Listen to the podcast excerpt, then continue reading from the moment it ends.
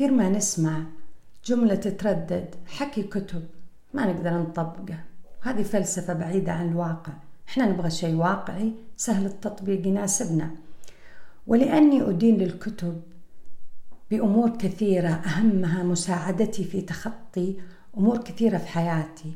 فهمي لذاتي فهمي لمن حولي فهمي لما يحدث في المجتمع من حولي وكيفية التعامل مع كل هذه التغيرات.